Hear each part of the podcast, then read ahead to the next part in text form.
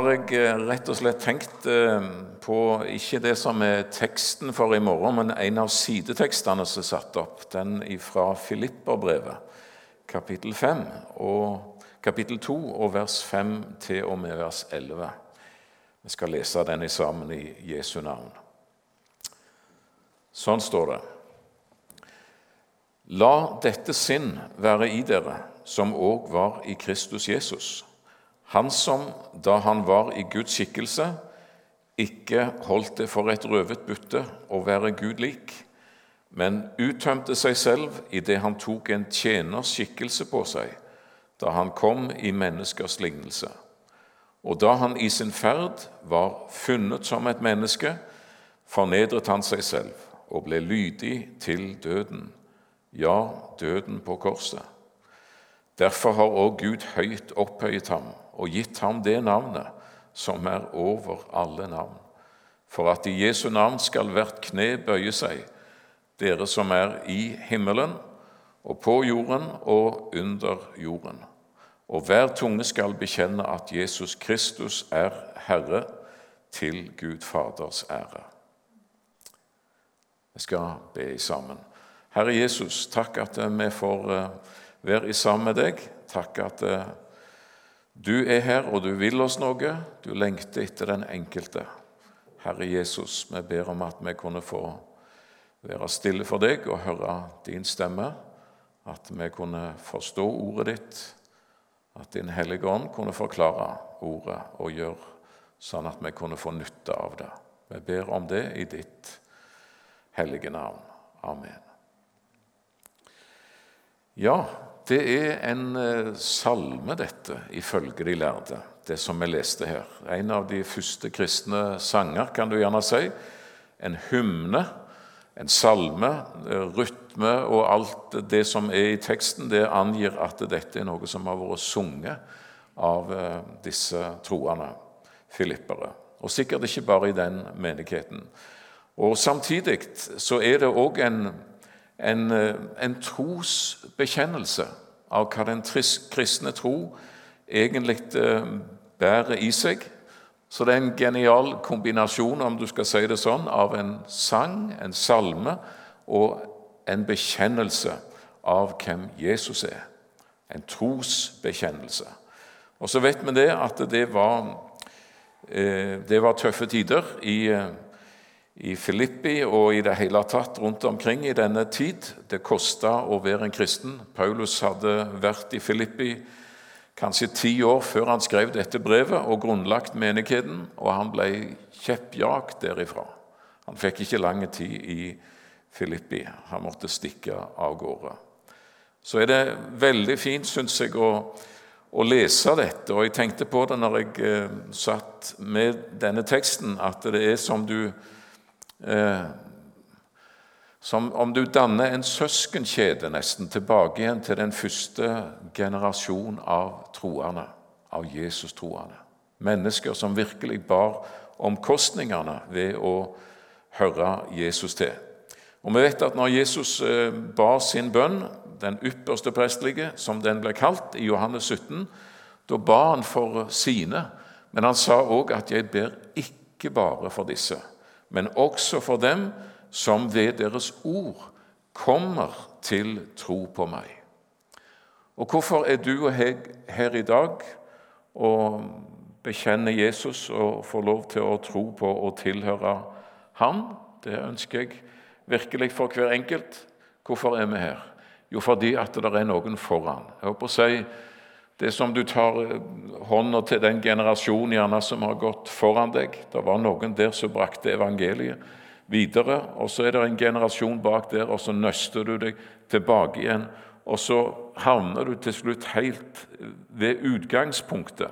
Og denne kombinasjonen av salme og trosbekjennelse, den syns jeg eh, Jeg tenkte på det når jeg stanset ved denne teksten. Så flott å få lov til å danne en sånn søskenkjede eh, og rekke ut hånd fra generasjon til generasjon. Og så har det alltid vært Guds barn, og så har det alltid vært noen av de som har gitt evangeliet videre. Og nå er det du og jeg som lever, og vi har tenkt å gi evangeliet videre. Vi har ikke tenkt det skal stoppe med oss. Vi skal få bringe det til de mennesker som Jesus faktisk ga sitt liv for. Så, så er det på en måte en ramme rundt eh, det avsnittet vi leste. La dette sinn være i dere, som òg var i Kristus Jesus. Eh, og så står det i vers 11 at hver tunge skal bekjenne at Jesus Kristus er Herre. Så egentlig så står det om Kristus som Herre både i innledningen og i avslutningen av eh, dette avsnittet. Eh, både sinn, altså tanke og livsførsel, og med munnen å bekjenne Jesus som Herre. Jeg skal ikke stoppe akkurat ved det, eh, i og med at det nærmer seg med i begynnelsen av påsken. Og vi skal se på det innholdet som her står om Jesus Kristus. Vi skal stoppe litt ved, fra vers 6 og ved hver enkelt vers eh, videre ned igjennom, fordi at hvert vers eh, har en slags eh, hva skal du si, et eget innhold som du gjerne kan eh, definere med et ord. Og så griper disse versene hverandre, og så griper de inn i hverandre, men likevel så stopper hver enkelt vers ved en spesiell side av Jesus. Og Vi leser for det første i vers 6. Og ut forbi det verset så kan vi gjerne sette preeksistens. Eh, altså det at Jesus var før han kom til jord, at han eh, er ifra evighet av, og hvem han egentlig er. Vers 6, preeksistens, handler det om. Han som, da han var i Guds skikkelse, ikke holdt det for et røvet bytte å være Gud lik. Så Jesu begynnelse er ikke Betlehem, men han fødes i Betlehem, som Mika sier, men hans utgang er ifra evighetsdager. Han kommer ifra evigheten og til jord, og han fødes i Betlehem. Men han er før alle ting, Kolosserbrevet 1, for han er ifra evighet. Og Johannes 1 og vers 1 sier det sånn at i begynnelsen var Ordet, Kristus, og Ordet var hos Gud, og Ordet var Gud. Han var i Guds skikkelse, leser vi her og han var Gud lik. Det er et interessant ord. Eh, det er flere interessante ord her. Jeg kan ikke gresk, jeg kan bare lese hva andre eh, har å si om disse forskjellige greske ord. Jeg har ikke tid til å stoppe mye med det. Men blant de interessante ordene som gir oss eh, perspektiv, så er dette ordet 'var'. For det, står, det er et spesielt ord som brukes der. Og de, følge, de lærdes oversetter det sånn at det betegner noe kontinuerlig, eh, som ikke kan forandres. Det er det ordet 'var' egentlig betyr. Han var i Guds skikkelse. Han eh, holdt det ikke for et røvet bytte å være gudlik. Det var ikke noe han tilrana seg eller greip eller utvikla seg til. Han var i Guds skikkelse. Ifra begynnelsen, ifra, eller ifra evighet, så var han i Guds skikkelse. Og Gud lik. Eh, vi vet at det var en, for det minner jo dette ordet oss på en måte om, at det var en som prøvde å røve og tilrane seg, som det egentlig står her på grunnteksten. Guds likhet. Det var han som det står om et par merkelige sanger, f.eks. i Jesaja 14 og Esekiel 28. Og Det står òg noen andre ting om dette i Skriften. Men det var han som var en salvet kjerub, står der, og som bodde i Eden, Guds hage, og som var full av visdom og fullkommen i skjønnhet og som var selve seilet, står det, på den velordnede bygning. Altså betegner noe at han var uhyre viktig, og at han var kanskje den fremste av Guds engler. Og han var ustraffelig i sin ferd, inntil et øyeblikk der det plutselig skjedde noe, og det ble funnet urettferdighet hos ham. Og Jesaja sier det sånn at det var, det var du, sier han om denne åndsfyrste, for nå er det ikke et menneske han snakker om, som sa i ditt hjerte at eh, jeg vil stige opp eh, høyt over Guds engler. Til himmelen vil jeg stige opp. Høyt over Guds stjerner vil jeg reise min trone. Jeg vil gjøre meg lik den høyeste. Jeg vil være Gud. Jeg er ikke fornøyd lenger med å være kanskje den fremste av Guds engler og stå og tilbe Gud. Jeg vil sjøl ha tilbedelse. Det er ikke nok å stå for Guds trone. Jeg vil sjøl ha ei trone. Det er ikke nok å være en salvet kirub. Jeg vil være Gud. Så det var et kuppforsøk, et opprør som Gud svarte på med å kaste han ut og ned. Eh, sånn var det. Men, men han prøvde altså å tilrane seg trona og guddom. Det behøvde ikke Jesus. Det er noe av det dette ordet sier. Han, det var ikke et ran for han å være Gud lik. For det var det han var. Han var og kommer alltid til å være Gud og i Guds skikkelse. Det er mye å si om det. Det har vi ikke tid til. Men eh, vers 6 det taler om hans preeksistens, at han var før han ble født, og at han var Hvem var han? Han var i Guds skikkelse og Gud lik. Vers 7. Da eh, kan vi sette en, et, et, ord på det, nemlig pre, eller eh, inkarnasjon. Inkarnasjonen. Det er det det handler om, det at Gud ble menneske. For I vers 7 så står det men uttømte seg selv idet han tok en tjenerskikkelse på seg, da han kom i menneskers lignelse, og da han i sin ferd var funnet som menneske.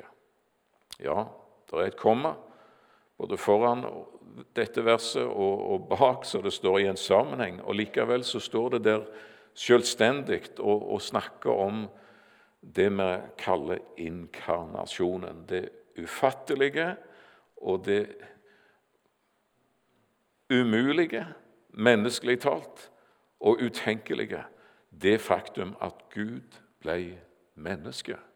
I begynnelsen var Ordet, og Ordet var hos Gud, og Ordet var Gud. Johannes 1 og vers 1. Og så går du til vers 14. Og Ordet ble kjøtt ble stofflig, ble menneske, fikk, eh, altså ble kjøtt og blod og tok bolig iblant oss. Eh, Jesus sier i Johannes 4 at Gud er ånd. Og sånn er det. Men altså, eh, når Jesus kommer til jord og, og blir ikledd kjøtt og blod og blir et menneske, så er det en, en nødvendighet om du og jeg skal bli frelst. Og Hebreabrevet snakker en del om dette, f.eks., og i kapittel 2 og vers 14 der står det altså at da nå barna, menneskene, har del i kjøtt og blod, er stofflige, fikk også han på samme vis del i det, for at han ved døden skulle gjøre til intet den som hadde dødens velde, det er djevelen. Så Jesus kom til verden og ble menneske, ble kjøtt og blod, for å bli din og min frelser. Så må vi forstå og ikke misforstå det uttrykket som står at han uttømte seg sjøl. For det betyr ikke, som noen har antatt, at uh, at eh, når han ble menneske, så slutta han å være Gud. Det er ikke sånn det er. Men han uttømte seg i den forstand at han ga avkall på ja, hele sin guddommelige skikkelse, sin herlighet, sin eh, Alt det som han fødte som et lite barn, hjelpeløst. Og han gjorde aldri i løpet av sitt liv eh, noe til egen fordel når det gjaldt å bruke sin guddomsmakt. Alltid så var det for andres gode og andres beste. Aldri i egoisme. Eh, det var ikke sånn at han slutta å være Gud da han ble menneske. Det er det faktisk et ord der som handler om. Men eh, og, og, jeg håper å si Det er atskillige ord i Skriften som snakker om det. At uh, han uh, ja, kan bare se f.eks. tenkte på det ordet i Jesaja kapittel 9, så handler jo absolutt om inkarnasjonen. Og kapittel 7 og vers 14 òg, der vi leser om jomfrusønnen som får uh, navnet. Altså Navnet betyr jo egentlig 'den du er', og hans navn det er Imanu. El. Hvem er han? El er forkortelse for Elohim, for Gud. Dette barnet, jomfrusønnen, han er Gud med oss, eller med oss er El, Gud. Et barn er oss født, en sønn er oss gitt, et nyfødt menneskebarn. Herredømme er på hans skulder. Og han skal få navnet Under, Rådgiver, Veldig Gud, Evig Far, Fredsfyrste. Det er den han er, og han slutta ikke å være det når han eh, fødtes til jord som et menneske. I tidens fylde utsendte Gud sin sønn, født av en kvinne, født under loven. Jeg eh, slutter aldri å undra meg over det ordet. Guds evige, veldige sønn. Født av en kvinne. Ei ungjente i Nasaret som går der med en voksende mage under andres eh, ja, kanskje foraktelige blikk òg, vil jeg anta for en del.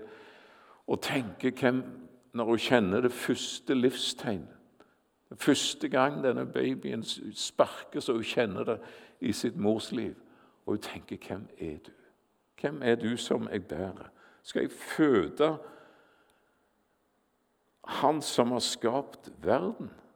Skal jeg gi liv til Han som er den evige? Gud og menneske. Det er den Jesus er. Eh, ikke, og, som sagt, Han slutta ikke å være Gud da han ble menneske. Og det er heller ikke sånn at han ble en, en halvgud. 50% Marias sønn og 50% Guds sønn. Altså en, en, en, blanding i den forstand. Nei, 100% Gud og 100% menneske. Det er den Jesus er. Han er Gud, menneske. Og det ene går ikke utover det andre. Eh, og De første kristne og den neste generasjon og den neste generasjon etter de som vi leser om her, og den neste generasjon etter det, de arbeider veldig mye med dette å formulere eh, hva inkarnasjonen bestod i. Hvem, hvem, er vår frelser? Og De lærte det som en av kirkefedrene sa, at han forble hva han var, altså Gud, og han ble hva vi er, mennesker sann Gud og sant menneske. Så vi har ikke en ypperste prest som ikke kan ha medlidenhet med oss i vår skrøpelighet, men en som er prøvd i alle ting, i likhet med oss. Der slutter likheten, for han ble prøvd i alt, men uten synd. Men eh, inkarnasjonen, det at Gud ble menneske, det er det vi leser om her i vers 7. At han uttømte seg selv, tok en tjenerskikkelse på seg, kom i menneskers lignelse. Og så det neste verset. Da er vårt ord fornedret. For i vers 8 der står det han fornedret seg selv og ble lydig til døden, ja, døden på korset. Legg merke til at det står i forbindelse med verset foran. Da han i sin ferd var funnet som et menneske, fornedret han seg selv. Så fornedrelsen var egentlig ikke det at han ble menneske. Det er faktisk Jesus ennå. Det var ikke sånn at han var 33 år på jord, og så la han av seg eh, kroppen, og så ble han bare ånd igjen. Det er ikke sånn. Han er fremdeles Gud, mennesket. Eh, så fornedrelsen var ikke at han ble menneske i den forstand, selv om jeg kunne gjerne sagt mer om det òg. Men, eh, men, ja, vi kan litt om det. For 1. Eh, Korinterbrev 15 der snakkes det om Jesus, og han kalles det andre mennesket.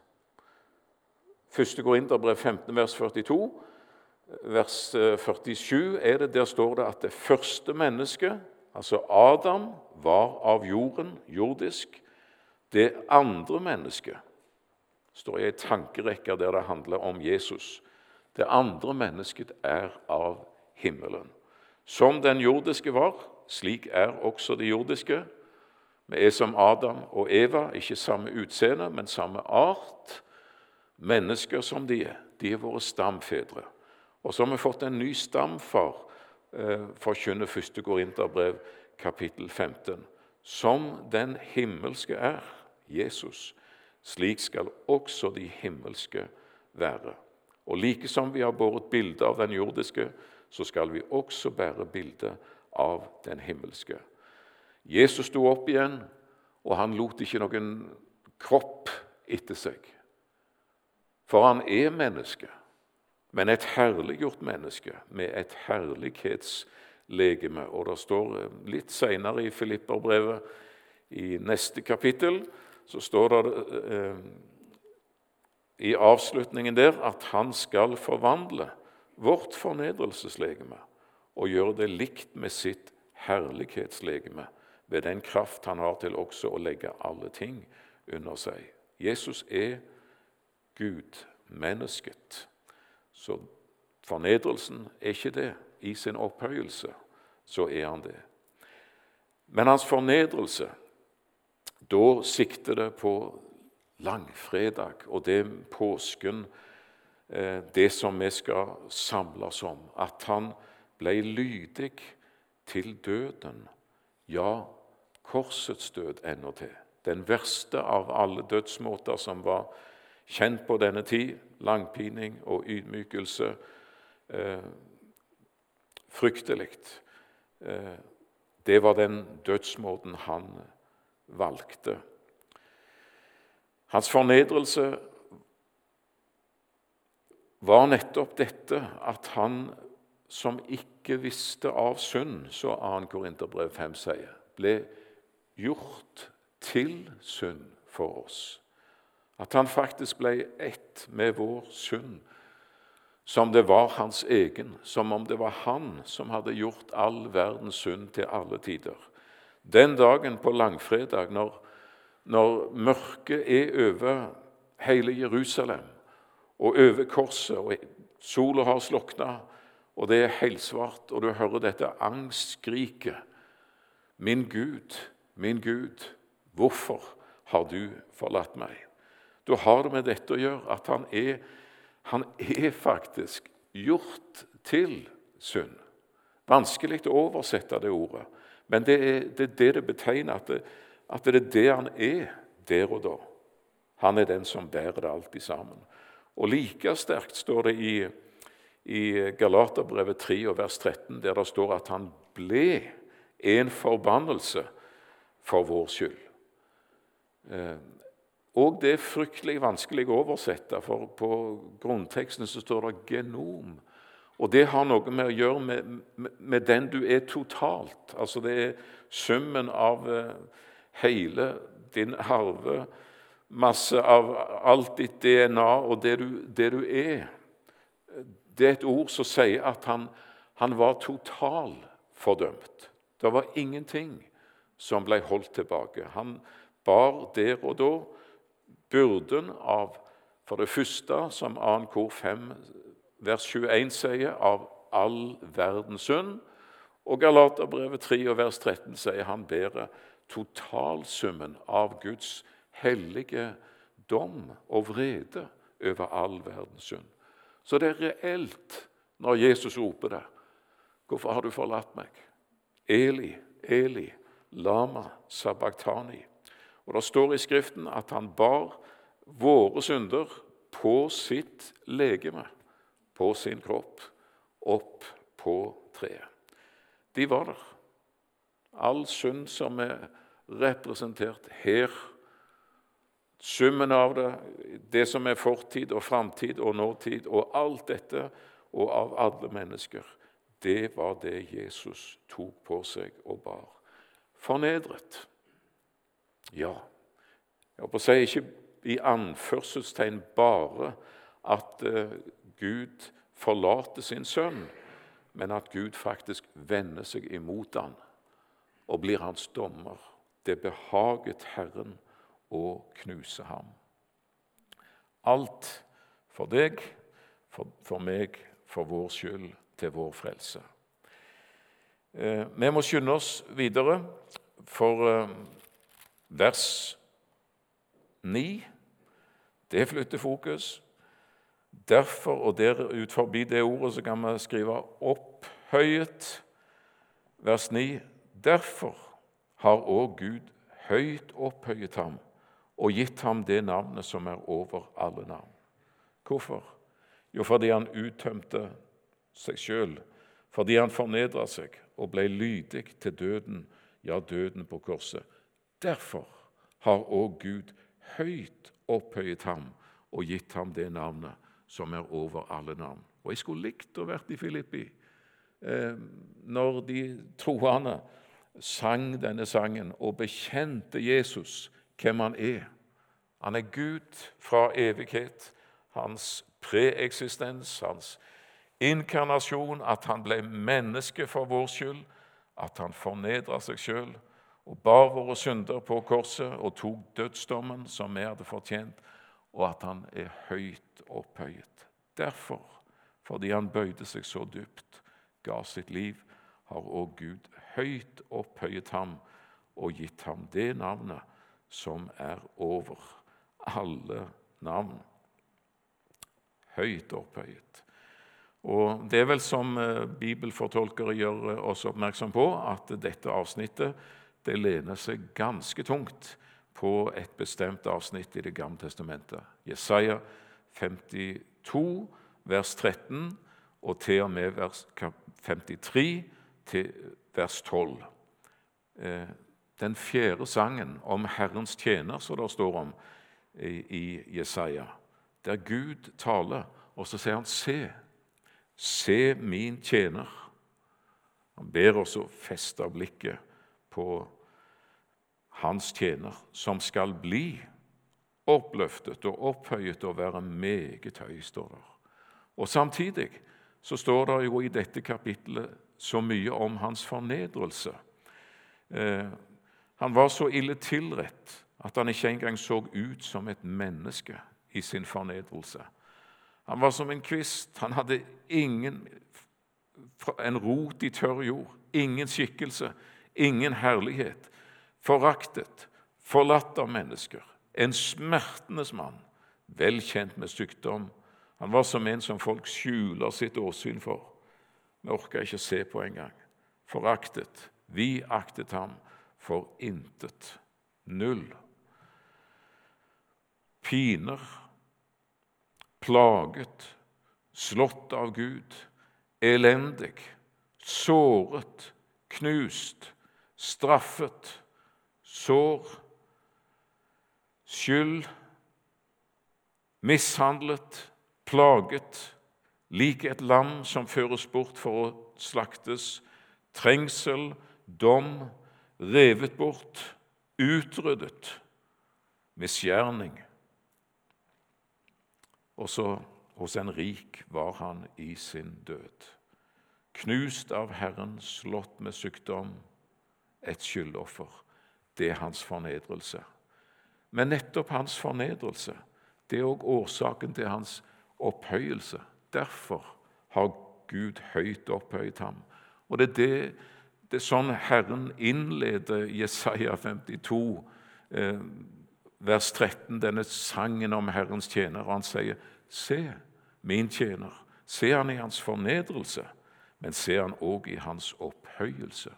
For han som var så dypt fornedra, han skal bli oppløftet og opphøyet og være meget høy. Eh, han skal bestenke mange folkeslag. Det har med blod å gjøre, rett og slett. Det var sånn ofringene ble utført. Og så ble blod òg stenka til soning, eh, altså offerblodet til soning. Og hans blod skal bestenke mange nasjoner, mange folkeslag. Konger skal stå der foran ham, tause og lukke sin munn.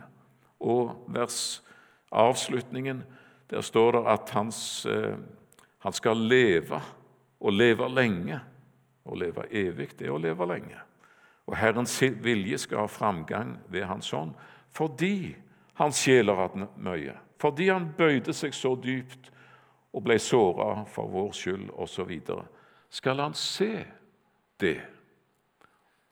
Hva da? At Herrens vilje har framgang ved det, og mettes. Han skal bli fullt ut tilfredsstilt, som det ordet betyr. Ved hva da? Jo, ved at de kjenner ham. Skal den rettferdige, min tjener, rettferdiggjøre de mange? Han skal se mange mennesker bli frelst som en følge av dette. Og han skal få de mange til del. De sterke skal han få til bytte. Han er den som er høyt opphevet. Han er seierherren. Det er den han er. Og hvem kunne forstå? Ikke rart at de var forvirra, og er forvirra. De lærde eh, jødiske teologer som ikke får dette til å gå opp i det hele tatt. For hvordan kan en som er død, leve etterpå? Og hvordan kan en som er så dypt nede at det, det er ingenting Vi regner han som ingenting. Så er det han som står fram som den store, eh, og han ser altså etter sin død, og han lever etter sin død, og han mettes og tilfredsstilles etter sin død ved å se mange mennesker bli rettferdiggjort ved tro på ham. Mange nasjoner som strømmer til ham opphøyet. Derfor sier ordet her, fordi han bøyde seg så dypt, har Gud høyt opphøyet ham. Og Så har vi ikke tid til å gå eh, særlig inn på det siste eh, punktet, vers 10 og vers 11, eh, der det står om at han skal bli æret og tilbedt. I Jesu navn skal hvert kne bøye seg dere som er i himmelen, på jorden og under jorden, og hver tunge skal bekjenne at Jesus Kristus er Herre, til Gud Faders ære. Sikte framover. Og det er et faktum at det kommer en dag der hvert eneste kne skal bøyes, og hver eneste tunge kommer til å bekjenne at Jesus er Herre. Nero var den som var keiser i Rom på denne tiden av Paulus så de fengsel i Roma. Det var fire år før hans, eller kanskje bare to år før hans martyrium under Nero. Og Nero han eh, hadde sannelig opphøyet seg sjøl og gitt seg sjøl gudestatus og alt dette. Jeg tror ikke han likte denne salmen hvis han hadde hørt det noe særlig. Men der sitter Paulus, og han skriver Det er mulig det er ikke Paulus som eh, som forfatter denne salmen, for den er litt annerledes språklig enn det typiske Paulus. Det er mulig det er en, en sang som var sunget og kjent iblant de troende, både som en sang og en trosbekjennelse, og Paulus gir den med tilslutning til filipperne. Eh, hvert kne. Så der kommer de, eh, Nero og hele gjengen, og bøyer kne for Mesteren en dag og bekjenne Jesus er Herre. Og Det gjelder både troende mennesker og vantro mennesker. som har levd på jord. Og Det betegner tydelig ut ifra betegnelsene her både mennesker og åndsmakter.